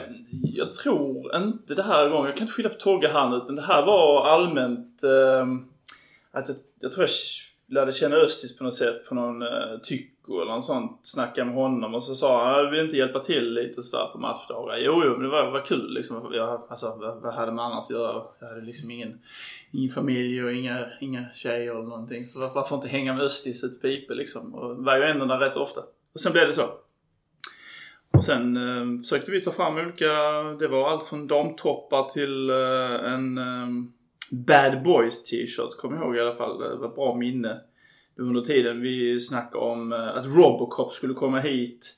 Vi hade väl Jonas Olsson. Vi hade ett rätt så, liksom så lite bad, badass team. Så vi tyckte det var väldigt fantastiskt att få ta fram en Bad Boys t-shirt i 100x och kommentarerna som man fick då på IP, det var ju helt magiskt. Det var ingen som förstod det konceptet. Vadå? Båda? Ba- Badboys? Ja, Nej, nej alltså. Nej, inte bada. Ja, du kan ha det bada också vill du, om du vill på cement. Men det är inte det det betyder. Det är mer så farligt. Liksom. Ja, ja, ja. Men, eller betyder det dålig? Det blir inte dåliga. Nej, det, återigen, det, man kan... Det är mer så bad, alltså lite farliga boys. Ja, ja, ja, ja. ja ah, nej, eh, har du inte XXL så ska jag inte ha möget liksom. Nej, så nej men eh, då eh hoppar vi din försäljning då så att säga. Men den sålde slut i alla fall eh, efter många kommentarer om diverse. Det fanns folk som hade sett filmen Bad Boys och det fanns vissa som fattade kopplingen. Det är lite som Skånesågor är. Det, det går inte att sälja in till vem som helst tror jag. Utan man måste fatta liksom. Och, eh, nej, vi hade många souvenirer som var be och- there. Ja precis. Det var, eh, det var, gällde att snappa upp. Men det var kul. Det är kul era. Men Hur länge höll du på med det då? Ja, det var också typ till vi åkte ut och sen jag åkte ur allsvenskan. Dog väl... Mycket som dog då kändes som. Uh, uh, nej men sen så skulle det ju, pl- det var plugg och det var ditten datten klassiskt eh, och tiden fanns inte längre riktigt och jag tror inte heller klubben hade väl de, de ambitionerna att, utan det skulle mest uh, avvecklas och dras ner på helt enkelt. Det känns som det... Allt det här skedde i, alltså i, i upptrappningen på det som skulle sen bli lite grann av guldåldern på allt. Att, eh, Allsvenskan börjar sändas eh, på, på TV tror jag 98-99 och sånt liksom. Att eh, det börjar gå på Kanal Plus. Och Ja. Sen så kommer alla TV-pengar in och liksom publiksiffrorna ökar i den här takten. Och, eh, det är EM och VM 2000 och 2002 liksom för Sverige och längre fram. Och eh, att det, det blir liksom guldåldern även för supportrar med, med den här typen av eh, initiativ. Att eh, det börjar väckas på ett annat sätt än vad det var tidigare. Liksom 90-talet är ju så här känt att det är låga publiksiffror, dåligt intresse, allsvenskan är dålig och sen så, sen så ökar det. Att det är lite grann att du, som du, du upplever så att vad, vad ska man göra när man är, man är 20 bast och man har ingen flickvän? Och, Nej, nej men då var ju ideellt arbete också liksom ett alternativ. Och jag menar för boys, jag tror mycket av det var ju en ganska bra succé med Souvenir på den tiden. Där vi såg, med HIF tror jag vi sålde sådana här ja, flaggor helt enkelt. Bara stod och matade flaggor för 100 spänn stycket. Vi sålde säkert, alltså jag vet inte hur många flaggor vi sålde. Det var ju nästan som man skulle anlita Securitas när man gick med den där pen, penningpungen till kansliet igen liksom. Det var helt sinnessjukt är, du, men- är du ansvarig för de, eh, alltså de, de klassiska 6-2 t-shirtarna Nej, och eh, Jag tror tabellen och 62, det? tabellen eh, var ju en del av under min tid så att säga. Men det var nog mer Johan Nilsson som kläckte den, vad ska man säga, tabellidén. Och 62 t-shirtarna tror jag faktiskt var Black Lång-Johan, and... alltså. Lång-Johan, precis. Men jag tror tabell, eller heter det De 62? lever ändå kvar t-shirtarna så. De, Oh ja. de dyker upp här och var. Med den äran. Men 62 tror jag var faktiskt Black and White som tog fram, om jag inte missminner Den hade inte officiellt Boys med att göra tror jag. Inte vad jag kommer ihåg i alla fall. Men eh, det jag menar, vi gick ju från svart på vitt butiken i Gallerian då ungefär 94 när vi körde, eh, vad heter han? Nu är det nostalgi här. Ja men alltså då när vi, vi gick upp i Allsvenskan där och vi skulle ut i Europa senast var det, ja 2000 var det väl, var snackat om det och sådär. Och då hade de ju eh, en liten, liten souvenirbutik inne på Gallerian som det hette där nere vid Rådhustorget. Och där sålde de ju muggar och pins och sådär. Så vi gick ju från den känslan Man till vill, att se, stå... man vill se rörligt där inifrån. Jag har aldrig varit. Jag, jag, Nej, alltså- jag är så pass ung att jag inte ens varit inne i gallerian. De har väl i till och med murat igen. Det var det inte Ukas, eh, den här skomakarbutiken, var det det sista, eller den finns kvar kanske, skomakar, eh, Gabriel Ukas pappa. Ingången. Oklart. Väldigt oklart. Det kanske är en lång historia. Men i alla fall, där inne fanns det faktiskt typ kappal och så. Och svart på vitt butiken som drevs. Som en souvenirshop. Så vi gick ju från det konceptet som, no offense, var ganska trött. Till att kanske då komma med lite roliga saker under den här... gerilla liksom. Vi, vi kommer inifrån här nu. Exakt, det här är grilla. Nej men eh, så att eh, uppsvinget var ju monumentalt då i början och det gick jättebra för boys. Som sagt, vi ledde ju allsvenskan och sådär. Men sen när vi åkte ut och sådär. Sen, det var rätt mycket pyspunka både på Souvenir och på kanske då på Black and White och så som vi pratade om innan. Någon eh, annars någon, någon tisha som du är speciellt nöjd med? Plockat fram? Ja... Bad Boys, är det den som Bad Boys är väl den som, det är väl den som jag har kvar själv. Jag har ju den och Hassan har jag kvar. Trots att Hassan köpte upp halva laget själv för att det inte skulle se dåligt ut. Så lyckades jag snå åt mig en innan han totalkollapsade i sin karriär. Det var svårt att sälja de sista Hassan-t-shirten. De var väldigt svåra att prångla ut. Jag tror de gick på någon typ av rea. Men jag tror inte Hassan lyssnade då, så jag tror inte han tar illa upp mot den här kritiken. Eh, I övrigt så var det väl någon halsduk som är väldigt ny, nöjd med. Det var den här eh, där står typ så Landskrona, eller Sverige, Landskrona, IP eller så under. Det var rätt snyggt tyckte jag själv. Ja, nej men i övrigt ska jag inte sitta fram häva mig själv. Det är lite osvenskt. Eller, ja, det får man inte helt enkelt. Men det finns ett gäng som du ändå eh, som du känner att du står bakom även, även så här eh, nästan 20 år senare. Att du tänker att ja, men det här var fan, det, det var bra ändå. Det var bra. Det var vissa, där är någon man kanske sa, vi gjorde någon halsduk i Paint. Det är kanske inte folk som känner det. Paint finns fortfarande på sin PC i alla fall. Men där gjorde vi någon, den blev inte jättebra på tryckeriet så den men den sålde ändå av någon outgrundlig anledning. Jag tror bara att det var brist på annat just då. Eh, Men den var väl inte jättesnygg. eh, Om man ska vara ärlig. Vad gillar du av eh, souvenirshoppen så som den är, den är just nu då? Ja, men, jag tyckte ju exempelvis Skånes Ogaia tycker jag är, det tycker jag ändå finns liksom en, en rätt rolig idé liksom. Den är, inte, den är lite unik. Sen är jag inte jätte, den här boys logotyp, eller vad heter det, boys typsnittet på de här hoodies. Det, det är inget jag skulle köpa kanske, men nu är jag också eh, rätt gammal och trött. Men jag hade nog inte, jag tycker den är lite blaffig liksom.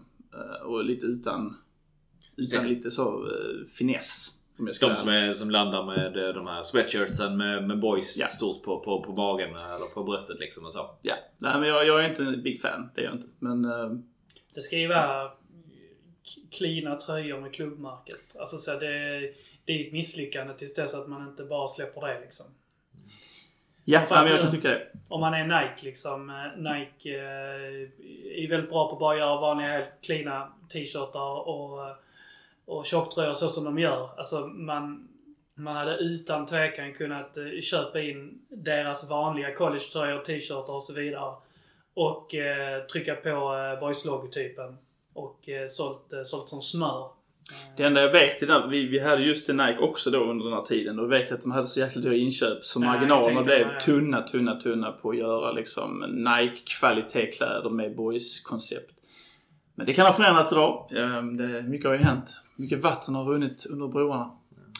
Man skulle vilja ha ett, eh, ett mindre antal i alla fall. Att man kunde ta en, en batch liksom. När man tänker man kan få gå plus minus noll på mer eller mindre liksom. Bara för, bara för att få ut liksom snygg merch liksom. I, I viss utsträckning i alla fall. Sen att det inte blir kassakon. Men man skulle vilja ha, ha, ha ut någonting i den stilen. Det kommer till, till där vi nästan har pratat om då att eh, det är liksom någon, någon måste dra den, eh, den båten framåt. Eh, Och eh, de ideella krafterna lär kanske inte göra det nu liksom som vi pratat om. Då, då kanske man landar på att det är någon som ska vara avlönad och göra det. Och ska den avlönade människan då dra en båt framåt som inte kommer ge några kronor. Så nej, det kommer inte den göra kanske så. Därför är det ingen som springer på de eh, liksom vad vi då kanske upplever som de liksom intressantare bollarna. Utan det blir mer av det här kanske lite liksom simplare boys-logotypen som vi då, jag inte heller är någon fan av. Liksom inget jag hade köpt heller. Kan vi sätta Togge på det liksom? Att han med får lämna över såna, ännu fler sådana bajsmackor. Alltså, sälja in till folk. Sen så bara... Ja, alltså jag sätta, inte sätta Togge på design. Nej. Jag har ju sett Togges design i Paint några gånger. Den, den, den lämnar en del av övrigt att önska. Men, Det känns som eh, det hade blivit svåra grejer. Jag tror att vi, jag får nog ringa Togge efter det här. Det känns som att jag, vi har kastat honom med någon... eh, nej, han är bra på att ta lite skit.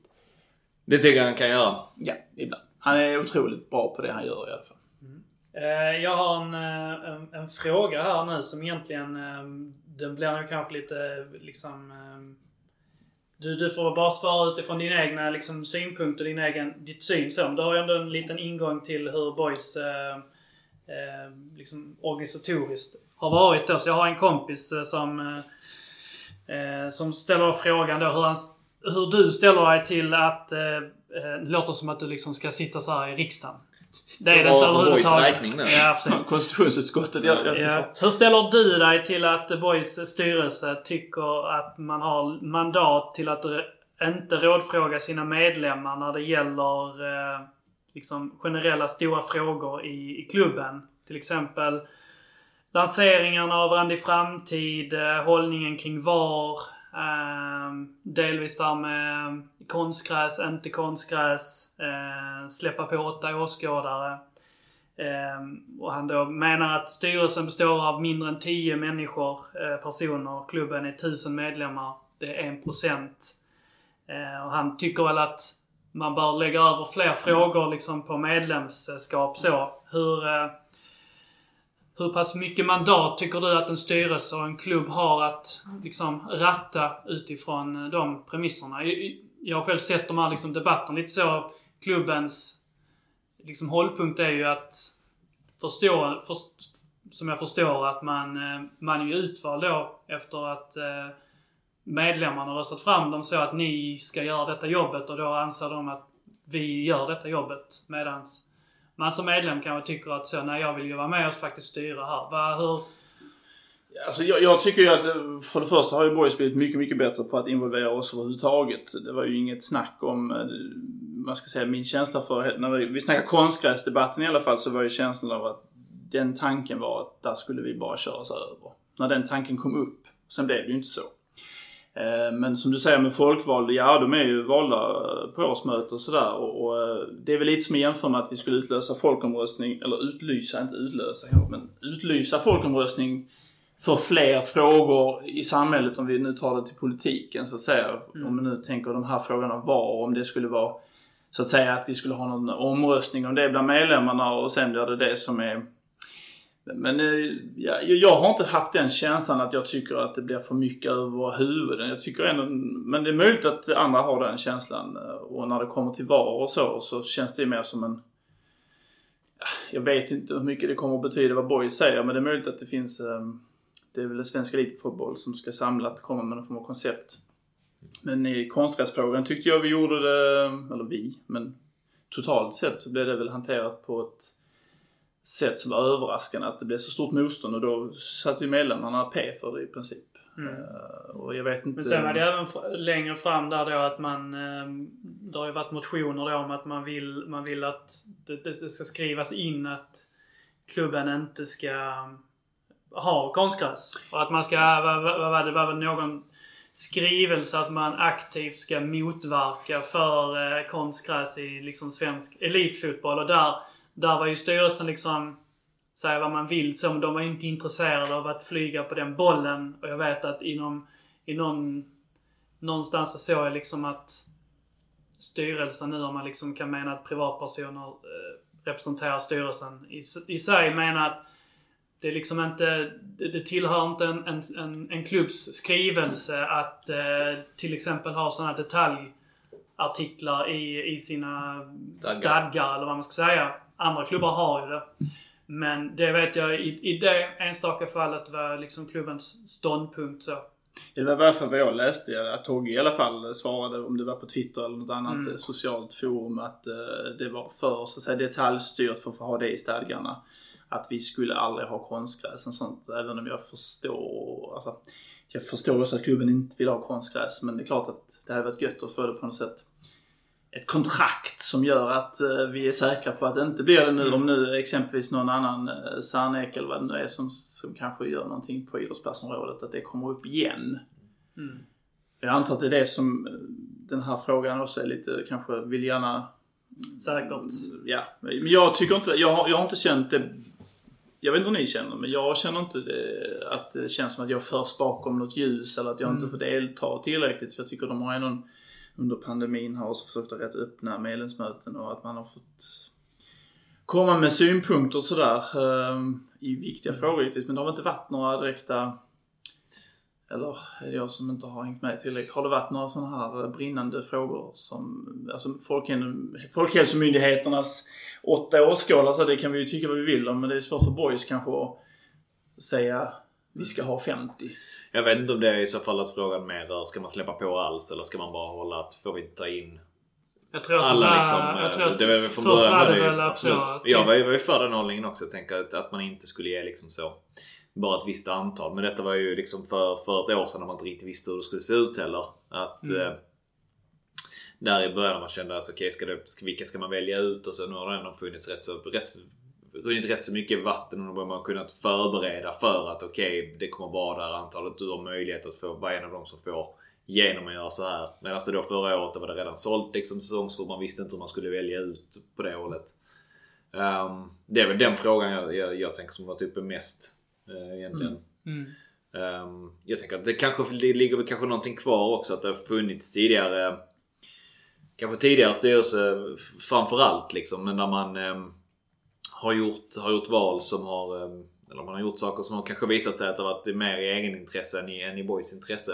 Mm. Eh, som att välja om sådana här när man som riskkapitalistbolag eller grupp går in och liksom eh, med kapital för att få, eh, få tillbaka procent på vissa spelare under en viss period och sen så när man inte lyckas få det då förlänger man den procenten då under liksom ett år till eller i ett, tre år till eller vad det nu var. Nu fick de väl inte ut så mycket av det ändå men det var ju liksom bara okej okay, boys har ingenting att vinna på detta det är bara ni som har, har vinna på detta liksom. Um, så det finns väl kanske en liten sån här där man, där man kan tänka att i de som styrelsen kan tänka att det kanske är ehm, här kan det bli lite gnissel så tänker jag att man, man kanske skulle ha mycket att vinna med att ändå släppa på eh, lite extra i vissa frågor. Så, att involvera medlemmar i det också. Mm. Det är mer bara hur, hur man ens lyckas med det rent praktiskt. För att jag menar, man kan ju inte liksom...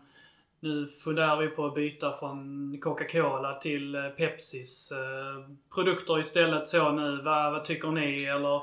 Det, blir med, men jag tycker liksom- som, som, till exempel som VAR-frågan är egentligen ganska enkel för den dök inte upp nu efter, efter årsmötet att man var tvungen att ta ställning. Det skulle man kunna gjort i samband med ett årsmöte och haft liksom en, en ställning där. Sen vet jag inte vem det ligger på egentligen då. Om de skulle vänta att man säger någonting överhuvudtaget till nästa årsmöte. Om det inte har kommit in någonting om det. Någon skrivelse inför årsmötet eller om man skulle kunna lyfta den då. Men som sådana saker som är en större, större sak Nej. än att det händer här och ju nu precis liksom. Ja, det kan väl också vara liksom att ehm, man är lite bränd av hur det har varit tidigare då. Att man, man lite grann fortfarande kanske förväntar sig eh, att, eh, att någon nästan jobbar emot en. Medan de som faktiskt jobbar inom klubben nu liksom ser sig själva som varför är ni så misstänksamma så? Vi är ju en av er. Vi tänker likadant som er. Som, men mellan raderna i det här vi pratar om så har ju liksom Togge då, om man nu säger,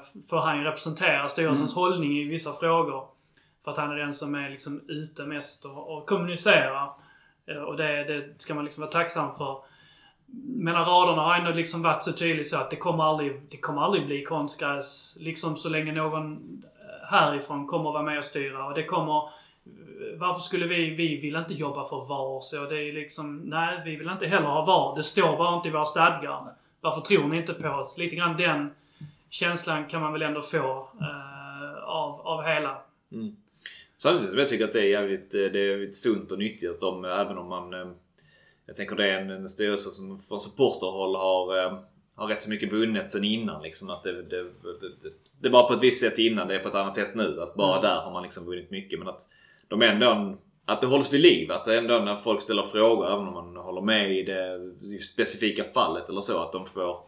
Att de behöver vara beredda på att vi kommer behöva stå till svars för detta. Det är ju ändå att man kommer behöva tänka över det en gång, en gång till liksom, i framtida frågor. Mm. Eh, vilket är... Det är fan det, är det man älskar med boys också. Att det, det faktiskt... eh, Jag tänker att de är med på det från början också. Att det, Mm. saker och ting rinner inte bara, försvinner inte bara. Utan det, de kommer ställas, man kommer få ställas till svars för saker och ting. Helt klart. Ja. Förr eller senare. Påminner ju liksom om eh, Super League. Eh, Sen har vi ju eh, liksom struntat i att prata om det. Eh, Det var men- skönt att slippa det Ja, från någon... eh, Skönt. Men det är ju det är samma sak där. Ja. Så man, man, man kan ju undra liksom hur, eh, hur de här, framförallt engelska klubbarna, till exempel då hur, hur, hur hela styrelserum kunde bara säga detta kommer detta kommer folk gilla. Folk kommer, det kommer gå bra. Eh, och det är ju liksom, det går ju bra i boys nu men det är väl, det är väl därifrån då. Det är det man får passa sig för att eh, liksom hamna i. Och det tror jag inte att det, det är liksom ingen stor risk att eh, eh, det kommer lanseras något samarbete med eh, Helsingborgs eh, ungdomssektion eller liknande. Nej, det är nog ingen... Eh, eh, vi har väl egentligen är det inte, har vi inte Nightcup som är Super League i miniatyr? Har no, någonsin, någonsin åkt ut från Nightcup och kan man överhuvudtaget komma in? Det är väl bara NSD som åker in och ut så det finns väl... Eh, annars så eh, finns väl inte så många fler kopplingar till Super League kanske men... Eh, nej, det är vilket skit. Ja. Men- Men om du säger någonting så säger det just det här med hur jävla viktigt det ändå är för supportrar att slå vakt om det man Ja, kan. Liksom. Att, precis. att, att Att göra sin röst hörd. Liksom. Att ändå, exakt, även om det inte är världens största grejer och Mm. att man kanske inte får igenom allting. Men att, att visa att man är där. Liksom. Mm. Att, man, att man synar och ser. Mm. Ehm, så det är någonting man vill skicka med jag sig. Man tror också att göra det. eh, den nya styrelsen, jag menar, jag, vet- nu såg jag ju inte typ Peter Kondrup så mycket på Twitter eller på Facebook så alltså han, han svarar ju aldrig öppet på någonting och han fick kanske inga frågor heller för han fanns inte där. Men jag menar Togge han, han får sina PMs, han får det och han tar en liksom en öppen eh, svar, kommer svar i alla fall. Jag tycker det är fantastiskt skönt att det finns, sen är det ju inte alltid man kanske håller med varken frågeställaren eller vad Togge säger möjligtvis. Men det finns i alla fall någon form av kanal nu rätt snabbt in i klubben. Och de gör ju mycket rätt där tycker jag. Herregud, det uppskattar sätt. man ju som fan, Det uppskattar liksom, vi det- allihopa. Mm. Eh, Sen ska vi givetvis alltid vi måste ju vara kritiska även till, säga, om det kommer några puckar så kan vi inte bara, ja men det fixar styrelsen liksom. Utan även där får vi vara på hugget. Sen är det väl så också att eh, i, en, i, en, i en medlemsstyrd eh, förening, eh, om man liksom utgår ifrån den, den premissen, så kommer det ju såklart alltid kommer ju finnas medlemmar som, som anser sig ha mera liksom, eh, rättighet till att eh, vara med i nästan den dagliga styrandet av klubben. För att de anser att det är så pass viktigt med, med det medlemsstyrda.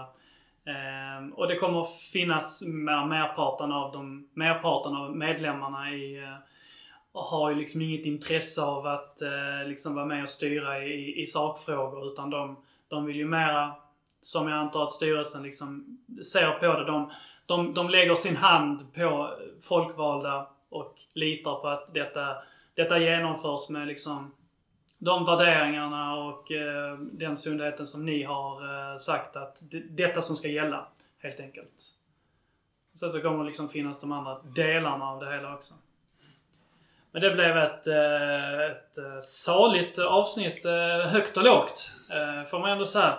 Otroligt högt. Det har vi inte ens avhandlat när, när du är i Spanien med Boys A-trupp i samma veva heller. Men det blir en cliffhanger. Ja, Det får bli en cliffhanger till senare tillfälle.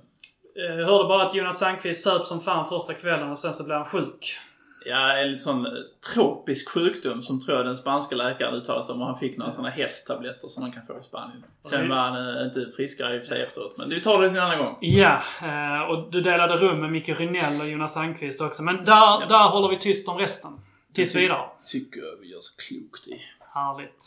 Eh, Anders, nu får vi väl bara säga stort lycka till med, med tipset. Och jag Tack. antar att det också kan passas på att eh, försöka rikta in folk till tipsklubben kanske. Ja, helt klart. Vi, där är ju några trogna... Alltså, man får ju vara ärlig och säga att det är ju inte den ekonomiska succén så att säga. Men eh, det kommer tillbaka lite pengar och boys får in pengar och eh, vi väntar givetvis på storkurvan. Vi har ju... Det tråkiga i Kråksån är att vi hade ju 13 rätt, inte vi då men Boys tipsklubb hade, vår tipsklubb hade uppehåll i oktober. Vi har alltid uppehåll en helg och sen börjar man igen. Och då slog eh, givetvis eh, spelägaren till med 13 rätt den helgen. Så mitt jobb tog den andelen som tipsklubben alltid har i det här systemet. Så dansk, nej man får inte säga danskjävlarna. Men eh, mitt jobb i alla fall blev överlyckliga och eh, jag blev lite så eh, ledsen för jag hade tyckt det var väldigt roligare om boys hade fått kakan. Men eh, ja, that's life. Jag kunde inte göra mycket mer än så. Oavsett ett, ett boys-sammanhang som vi, som vi uppskattar ja, det är klart visst är det så. Ja, men eh, det är jätteroligt om folk vill vara med och vi gör så gott vi kan för att upprepa eh, eller få, få 13 rätt helt enkelt. Så är livet. Men eh, ja, det ska göras också. Är det tipsklubben 1915?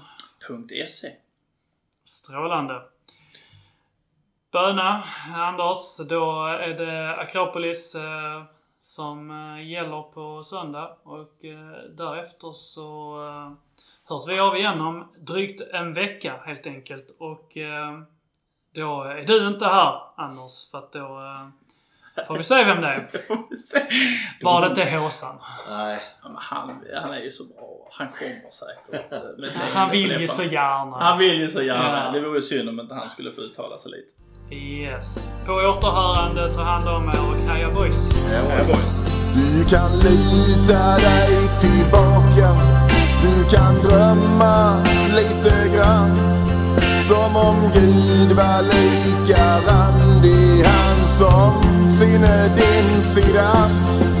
Dröm om röken från Olympia Om hela skiten brann. Dröm rubrikerna när boys har vunnit allsvenskan? Jag säger samba.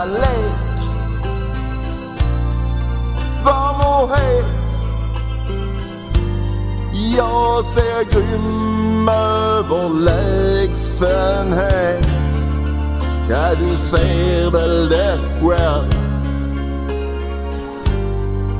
Vilket underbart lag.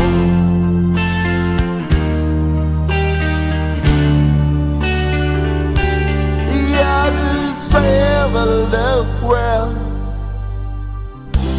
vilket underbart lag.